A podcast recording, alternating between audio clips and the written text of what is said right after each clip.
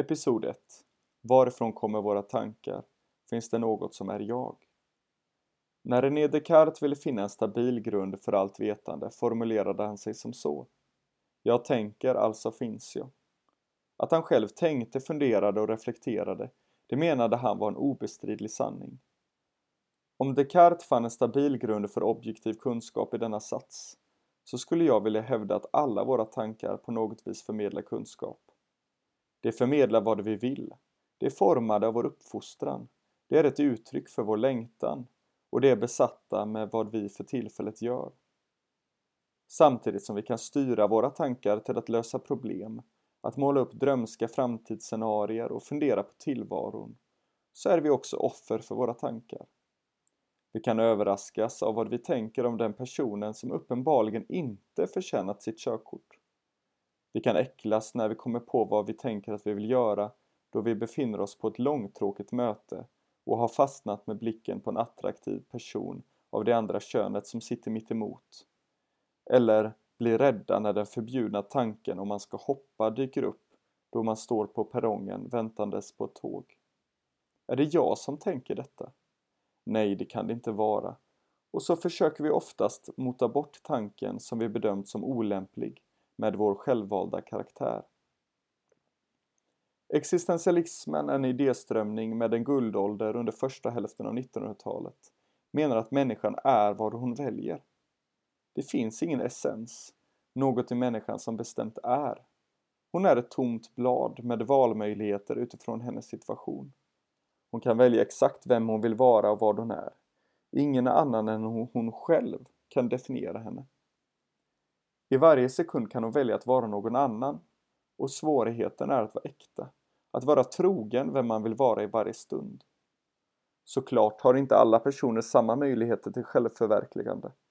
Den afrikanska gruvarbetaren är begränsad till sin ekonomiska situation och kan rimligtvis stöta på svårigheter för att bli världens bästa pianospelare. Kvinnan kan uppleva sig kringgärdad av normer och förväntningar som hindrar henne att bli den hon innerst vill vara. Det existentialistiska tänkare har gemensamt är att de vill att varje människa ska få erfara fullständig ekonomisk, social och andlig valfrihet. Tankeleken går vidare till att fråga vad skulle folk välja om detta var verklighet?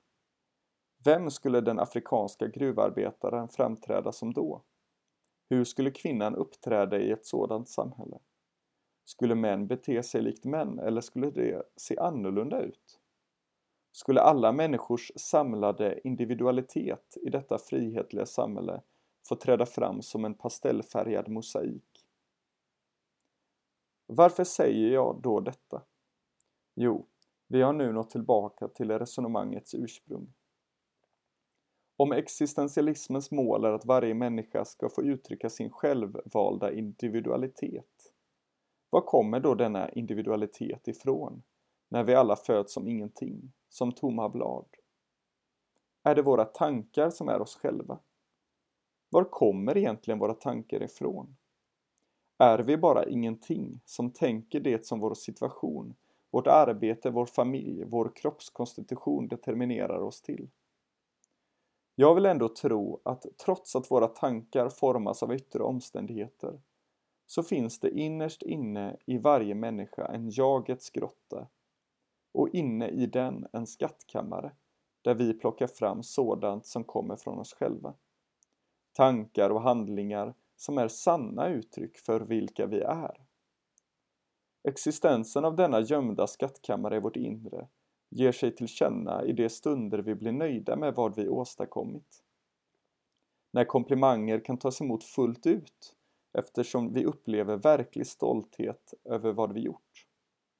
Eller när vi upplever att vi bara har varit utan att tänka på hur vi ska framstå och vi märker att vi ändå får bekräftelse för det. Är det detta som är jag? Och är det nog? Svindlande. Ni har säkert hört att någon sagt att denna har, har hittat sig själv. Det kanske också är det som menas med det slitna uttrycket. Just det att man har lyckats hitta den skattkammare som ligger gömd i jagets mörka grotta.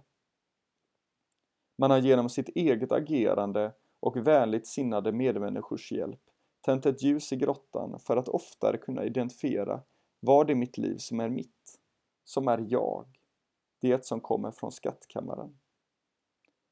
Jesus säger i Matteusevangeliet En god människa tar fram det som är gott ur sitt goda förråd. Slut på citatet. När du har hittat dig själv är då du hittat ditt förråd och oftare kan ta fram vad gott som ligger gömt där. Du vet vilka tankar som kommer från världen, som ska motas bort och vilka tankar som kommer från ditt sanna jag. Istället för att säga att människan föds utan essens, så är det nog så att essensen är gömd och det är upp till var och en att finna den. När René Descartes formulerade ”Jag tänker, alltså finns jag” gjorde han det i en ambition för att nå kunskap om det som var utanför honom själv. Men jag undrar om han lyckades hitta sin skattkammare i jagets grotta. Om han också lyckades finna en stabil grund för sann självkännedom.